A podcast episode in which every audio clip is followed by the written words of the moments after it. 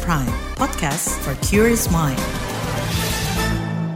Halo saudara, senang sekali kami bisa menyapa Anda kembali melalui program KBR Sore edisi Rabu 15 Februari 2023.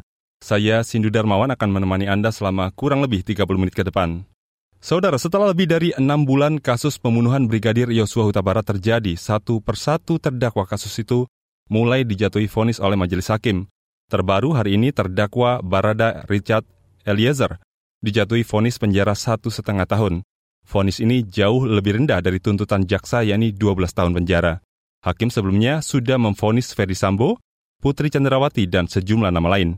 Hakim menjatuhkan hukuman ringan terhadap Eliezer berdasarkan sejumlah pertimbangan salah satunya lantaran ia berstatus justice kolaborator atau pelaku yang bekerja sama dengan penegak hukum untuk mengungkap kasus pembunuhan. Sudah sesuaikah vonis Eliezer? Kita bahas selengkapnya di KBR Sore.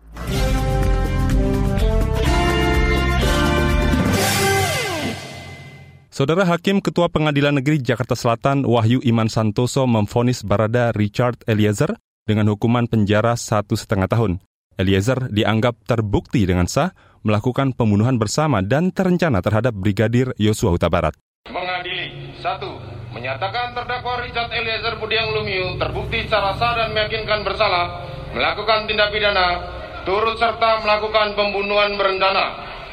Menjatuhkan pidana terhadap terdakwa Richard Eliezer Budiang Lumiu dengan pidana penjara selama satu tahun dan enam bulan menetapkan penangkapan dan lamanya masa penahanan yang telah dijalani terdakwa dikurangkan sepeluruhnya dari pidana yang dijatuhkan. Menetapkan terdakwa tetap berada dalam tahanan. Menetapkan terdakwa sebagai saksi pelaku yang bekerja sama atau justice kolaborator. Menyatakan barang bukti adalah sebagaimana dalam surat tuntutan jaksa penuntut umum.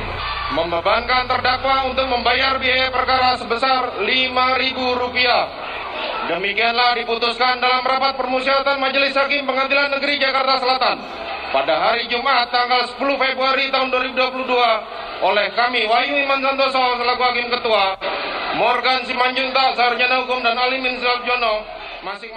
Sebelum pembacaan vonis, Majelis Hakim menjabarkan beberapa hal yang memberatkan dan meringankan hukuman terdakwa. Menimbang bahwa terhadap barang bukti sebagaimana daftar barang bukti akan ditentukan dan ditetapkan dalam amar putusan. Menimbang bahwa sebelum menjatuhkan putusan perlu dipertimbangkan hal-hal yang memberatkan dan hal yang meringankan. Hal-hal yang memberatkan hubungan yang akrab dengan korban tidak dihargai terdakwa sehingga akhirnya korban Yosua meninggal dunia. Hal-hal yang meringankan terdakwa adalah saksi pelaku yang bekerja sama terdakwa bersikap sopan di persidangan, terdakwa belum pernah dihukum, terdakwa masih muda dan diharapkan mampu memperbaiki perbuatannya di kelak kemudian hari, terdakwa menyesali perbuatannya dan berjanji tidak akan mengulangi lagi. Keluarga korban Novriansah Yusua Huta Barat telah memaafkan perbuatan terdakwa. Menimbang bahwa dengan terbuktinya terdakwa bersalah melakukan tindak pidana, maka kepadanya dibebani pula membayar biaya perkara. Mengingat pasal 340 KUH pidana, junto pasal 55 ayat 1 ke 1 KUH pidana, pasal 5 ayat 1 Undang-Undang nomor 48 tahun 2009 tentang kekuasaan kehakiman, pasal 10A Undang-Undang nomor 31 tahun 2014 tentang perubahan Undang-Undang nomor 13 tahun 2000 guna tentang perlindungan saksi dan korban serta ketentuan lain dari perundang-undangan yang bersangkutan serta kitab undang-undang hukum acara pidana. Saudara hukuman bagi Eliezer ini sesuai permintaan Lembaga Perlindungan Saksi dan Korban LPSK beberapa waktu lalu. Wakil Ketua LPSK Edwin Partogi Pasaribu mengatakan, sesuai undang-undang tentang perlindungan saksi dan korban, seseorang berstatus justice kolaborator mendapat penghargaan dipidana lebih ringan dibandingkan terdakwa lain. Keputusan hakim menghukum ringan Richard Eliezer berkebalikan dengan putusan yang dijatuhkan untuk empat terdakwa lain. Sebelumnya Majelis Hakim Pengadilan Negeri Jakarta Selatan telah memfonis Ferdi Sambo dengan hukuman mati dan istrinya, Putri Chandrawati dengan hukuman 20 tahun penjara. Sedangkan dua pegawai Sambo, yaitu Kuat Maruf, dihukum 15 tahun penjara, dan Ricky Rizal 13 tahun penjara. Empat terdakwa itu dihukum lebih berat dibanding tuntutan jaksa. Saudara, usai jeda kami akan sampaikan laporan khas KBR tentang vonis hakim terhadap para terdakwa pembunuhan Yosua Huta Barat. Tetaplah di KBR sore. You're listening to KBR Pride, podcast for curious mind. Enjoy.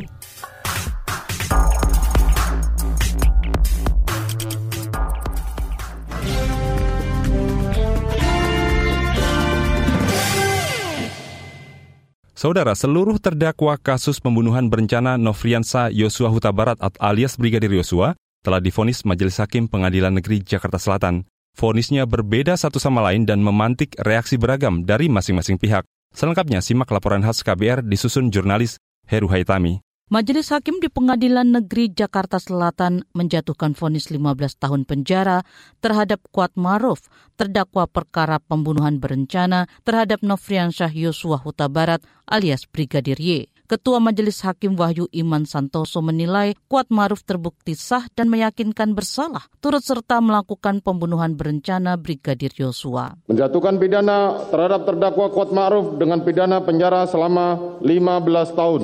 Tiga, menyatakan bahwa pidana tersebut akan dikurangi dengan lamanya terdakwa berada dalam tahanan. Empat, memerintahkan terdakwa tetap dalam tahanan. Lima, menyatakan barang bukti tetap terlampir dan dikembalikan kepada jaksa penuntut umum untuk dikembalikan untuk digunakan dalam perkara lain. Enam, menetapkan supaya terdakwa dibebani membayar biaya perkara sebesar Rp5.000. Putusan Kuat Maruf lebih berat daripada tuntutan jaksa penuntut umum JPU yang menuntutnya dengan pidana 8 tahun penjara. Terdakwa lain Riki Rizal dijatuhi hukuman 13 tahun penjara oleh majelis hakim. Vonis ini juga lebih tinggi dari tuntutan jaksa yakni 8 tahun penjara. Hakim Ketua Wahyu Iman Santoso menyebut Riki terlibat aktif dalam perencanaan pembunuhan Yosua. Menjatuhkan pidana terhadap terdakwa tersebut dengan pidana penjara selama 13 tahun menyatakan bahwa pidana tersebut akan dikurangkan dengan lamanya terdakwa berada dalam tahanan, memerintahkan terdakwa tetap ditahan, menyatakan barang bukti dikembalikan kepada jaksa penuntut umum untuk digunakan di perkara lain. Sementara itu istri Ferdi Sambo, Putri Chandrawati difonis 20 tahun penjara. Ketua Majelis Hakim Wahyu Iman Santoso menilai Putri terbukti turut serta melakukan pembunuhan berencana kepada Brigadir Yosua. Putusan ini juga lebih tinggi dari tuntutan jaksa yakni 8 tahun kurungan penjara. Kuasa hukum Putri Chandrawati Arman Hanis merasa kecewa dengan putusan itu. Ya itu kita pelajari, kita pelajari pertimbangan majelis hakim seperti apa, karena tadi yang kita catatkan banyak berupa asumsi. Putusan berat juga dijatuhkan terhadap Ferdi Sambo, ex Kadif Propam Polri, bekas atasan Brigadir Yosua. Ia difonis pidana mati dalam perkara tersebut. Hakim Ketua Wahyu Iman Santoso menyebut perbuatan Sambo telah menimbulkan kegaduhan yang meluas serta mencoreng institusi Polri hingga menyeret banyak anggota lain tidak ada alasan meringankan terhadap putusan Sambo. Sambo juga terbukti melakukan tindakan yang berakibat sistem elektronik tidak bekerja secara bersama-sama. Mengadili, menyatakan terdakwa Ferdi Sambo SH SIK MH telah terbukti secara sah dan meyakinkan bersalah melakukan tindak pidana turut serta melakukan pembunuhan berencana dan tanpa hak melakukan tindakan yang berakibat sistem elektronik tidak bekerja sebagaimana mestinya yang dilakukan secara bersama-sama. Menjatuhkan pidana kepada terdakwa tersebut oleh karena itu dengan pidana mati. Fonis itu disambut baik keluarga korban. Ibunda Yosua Rosti Simanjuntak menangis usai mendengar putusan tersebut. Iya, sesuai dengan harapan kami dan doa kami kepada Tuhan yang kami panjatkan setiap saat. Tuhan telah nyatakan mujizatnya melalui perpanjangan tangannya yaitu hakim sebagai utusan di muka bumi ini. Mereka telah memberikan harapan kami sesuai dengan perbuatan Sambo. Namun tak demikian dengan keluarga Verdi Sambo. Perwakilan keluarga yang enggan mengungkap identitasnya mengaku kecewa atas vonis hakim. Nanti pengacara ditanya pengacara aja. Upaya-upaya selanjutnya kita keluarga ya. Selama ini kan jenderal sangat dibully. Itu kita kecewanya. Walaupun betul ada hal-hal yang menyakiti ataupun korban di tapi belum tentu juga hal itu setimpa-timpanya kita itu Perwakilan keluarga Sambo menegaskan upaya hukum selanjutnya akan dipersiapkan tim kuasa hukum. Ferdi punya waktu tujuh hari melakukan upaya banding.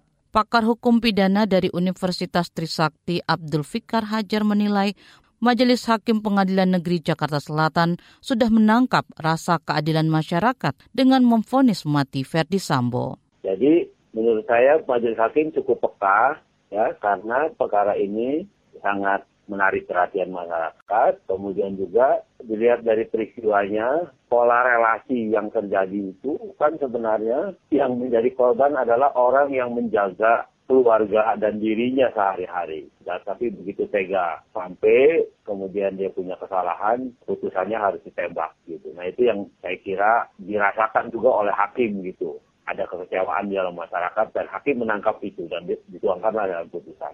Dari lima terdakwa perkara pembunuhan berencana terhadap Yosua, Richard Eliezer alias Barada E mendapat vonis terendah yakni satu tahun enam bulan penjara. Vonis itu dibacakan Ketua Majelis Hakim Wahyu Iman Santoso hari ini. Laporan ini disusun Heru Haitami. Saya Fitri Anggreni. Saudara vonis satu setengah tahun yang dijatuhkan kepada terdakwa Richard Eliezer ditanggapi positif tim kuasa hukum Richard. Kami hadirkan tanggapan kuasa hukum usai jeda berikut, tetaplah di KBR Sore. You're listening to KBR Pride, podcast for curious mind. Enjoy!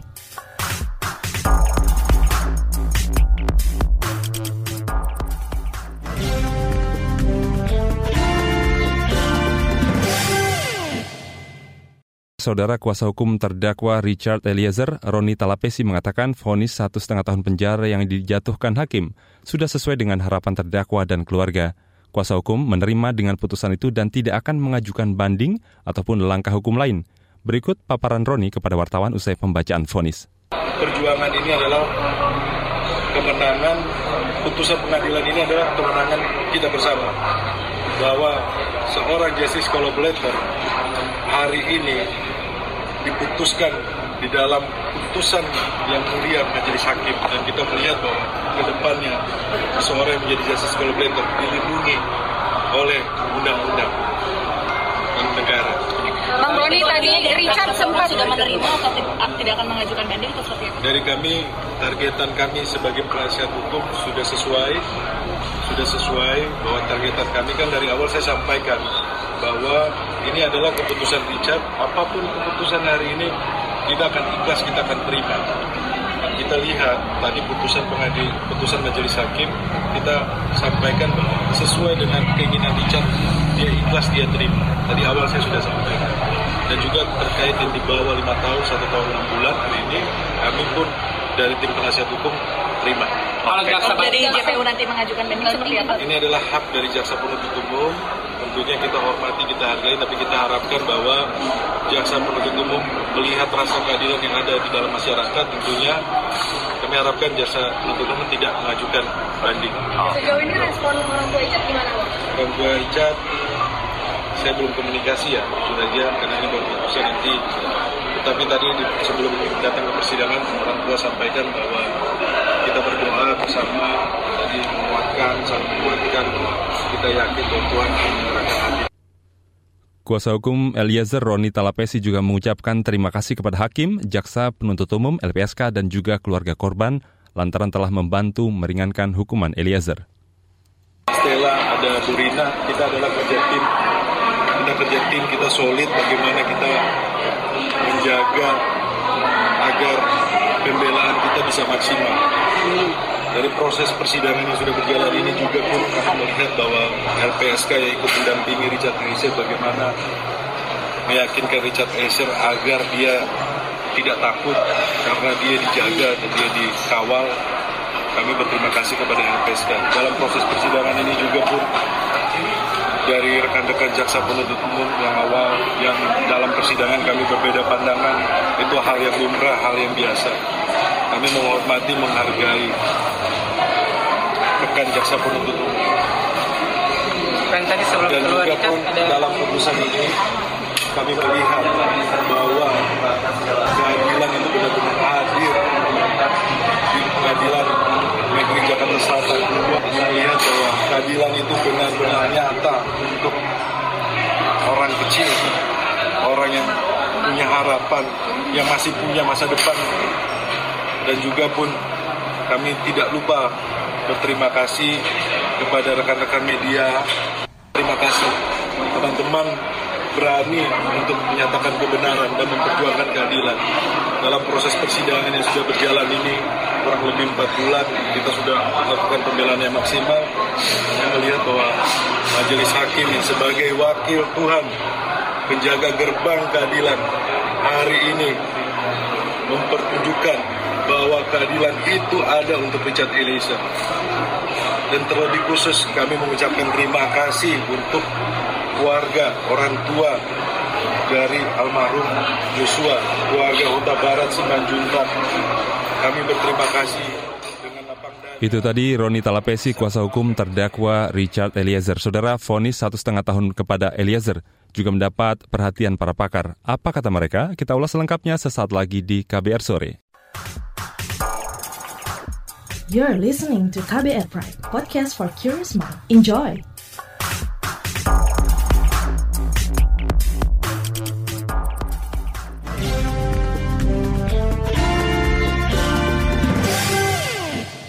Saudara, pakar hukum pidana dari Universitas Muhammadiyah Jakarta, Khairul Huda, menilai vonis satu setengah tahun penjara terhadap Richard Eliezer sangat rendah. Vonis itu jauh di bawah dua per 3 dari tuntutan hukum yang diajukan jaksa, yaitu 12 tahun penjara. Sebelumnya, ia memperkirakan hakim akan menetapkan hukuman bagi Eliezer sekitar 8 hingga 9 tahun pidana atau sedikit lebih rendah dari tuntutan jaksa. Khairul Huda menilai jaksa akan mengajukan banding terhadap vonis rendah Eliezer. Berikut, Wawancara jurnalis KBR Siti Sadida dengan pakar hukum pidana Universitas Muhammadiyah Jakarta, Khairul Huda. Pertama Pak, bagaimana tanggapan Bapak soal vonis hakim terhadap Eliezer yang menetapkan Eliezer untuk ditahan di penjara begitu selama satu setengah tahun? Ya saya kebetulan tidak mengikuti ya apa yang jadi pertimbangan hakim kenapa vonisnya jauh daripada tuntutan. Saya menduga ada hal yang lebih meringankan kepada Richard Eliezer tapi tidak menduga sampai sejauh itu peringanannya gitu ya. Tadi saya pikir akan di angka 8 atau 9 tahun penjara gitu kan. Karena memang yang bersangkutan itu sebagai pelaku utama, sebagai eksekutor katakanlah begitu. Tapi memang hakim punya pertimbangan lain sehingga dijatuhkan satu setengah tahun. Karena saya tidak mendengar apa pertimbangannya, saya juga nggak bisa komentar. Tapi putusan seperti ini akan menyebabkan jaksa banding. Karena menurut aturan internal di kejaksaan, putusan yang kurang dari 2 per 3 tuntutan itu jaksa wajib banding banding. Saya tidak tahu bagaimana apakah kejaksaan menyikapinya, apakah akan banding atau akan menerima putusan. Tapi kemungkinan besar akan banding dan kita akan lihat nanti di pengadilan tinggi seperti apa. Secara umum sih menurut saya terlalu ringan ya. Artinya prediksi Bapak sebelumnya soal hukuman terhadap Richard Eliezer ini vonisnya lebih rendah dari jaksa tapi tidak sampai satu setengah tahun ya Pak, penekanan saja. Saya tadi menduga antara 8 sampai 9 tahun vonisnya karena terdakwa yang lain diperberat. Kalau kita lihat petanya di persidangan kemarin kan memang empat lawan satu. Jadi Sambo, Ibu Putri, Riki Rizal dan Kuat itu senada informasi informasinya yang banyak sekali berseberangan dengan keterangannya Richard Eliezer. Hakim nampaknya menerima itu sebagai sebuah konstruksi peristiwa yang sebenarnya. Jadi hakim lebih percaya Richard daripada empat terdakwa yang lain. Dan itu sudah dibuktikan hakim dengan memberi hukuman berat kepada Ferdi Sambo, Ibu Putri, Kuat maupun Ricky. Sehingga secara logis majelis hakim akan menjatuhkan hukuman yang lebih ringan kepada uh, Richard Eliezer karena dia lebih percaya kepada keterangan Richard daripada empat terdakwa yang lain. Bisa dijelaskan Pak bagaimana status Eliezer sebagai justice kolaborator itu mempengaruhi hukuman Eliezer? Ya, walaupun Kejaksaan Agung ketika kemarin menyampaikan uh, tuntutan bahwa belum bisa mengkualifikasi Richard Eliezer termasuk justice collaborator, tetapi dengan bahwa hakim cenderung lebih percaya keterangan Richard, hakim melihat bahwa kasus ini terbuka lebar di antaranya karena peran Richard yang cukup konsisten sejak 5 Agustus kalau tidak salah sampai dengan di muka persidangan, saya yakin dia akan diperingan dengan statusnya sebagai justice kolaborator tadi. Maka hal yang lebih meringankan dia selain tadi saya katakan bahwa uh, hakim kecenderungannya lebih percaya apa yang diterangkan oleh Richard daripada empat terdakwa yang lain ditambah dengan kualifikasi yang ditetapkan oleh hakim yang bersangkutan sebagai justice kolaborator. Di samping itu juga kan banyak aktivis lain ya, aktivitas lain seperti misalnya Amikus Surae misalnya begitu ya yang menyampaikan keinginan agar Richard dihukum ringan, LPSK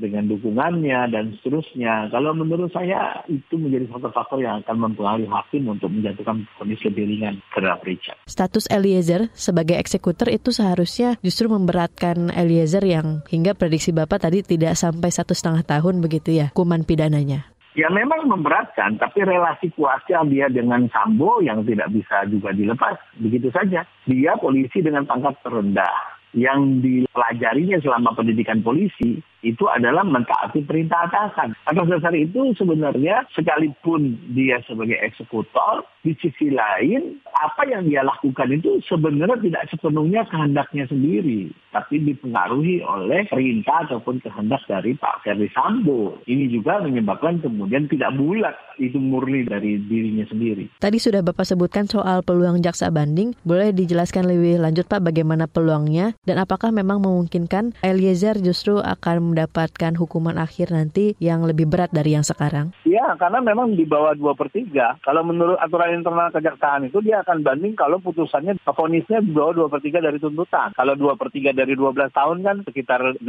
tahun ya. Saudara itu tadi pakar hukum pidana Universitas Muhammadiyah Jakarta Khairul Huda.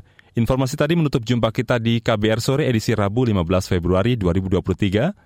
Pantau selalu informasi terbaru melalui situs kbr.id, Twitter kami di akun @beritaKBR, serta podcast di alamat kbrprime.id. Saya Sindu Darmawan bersama tim yang bertugas undur diri. Salam.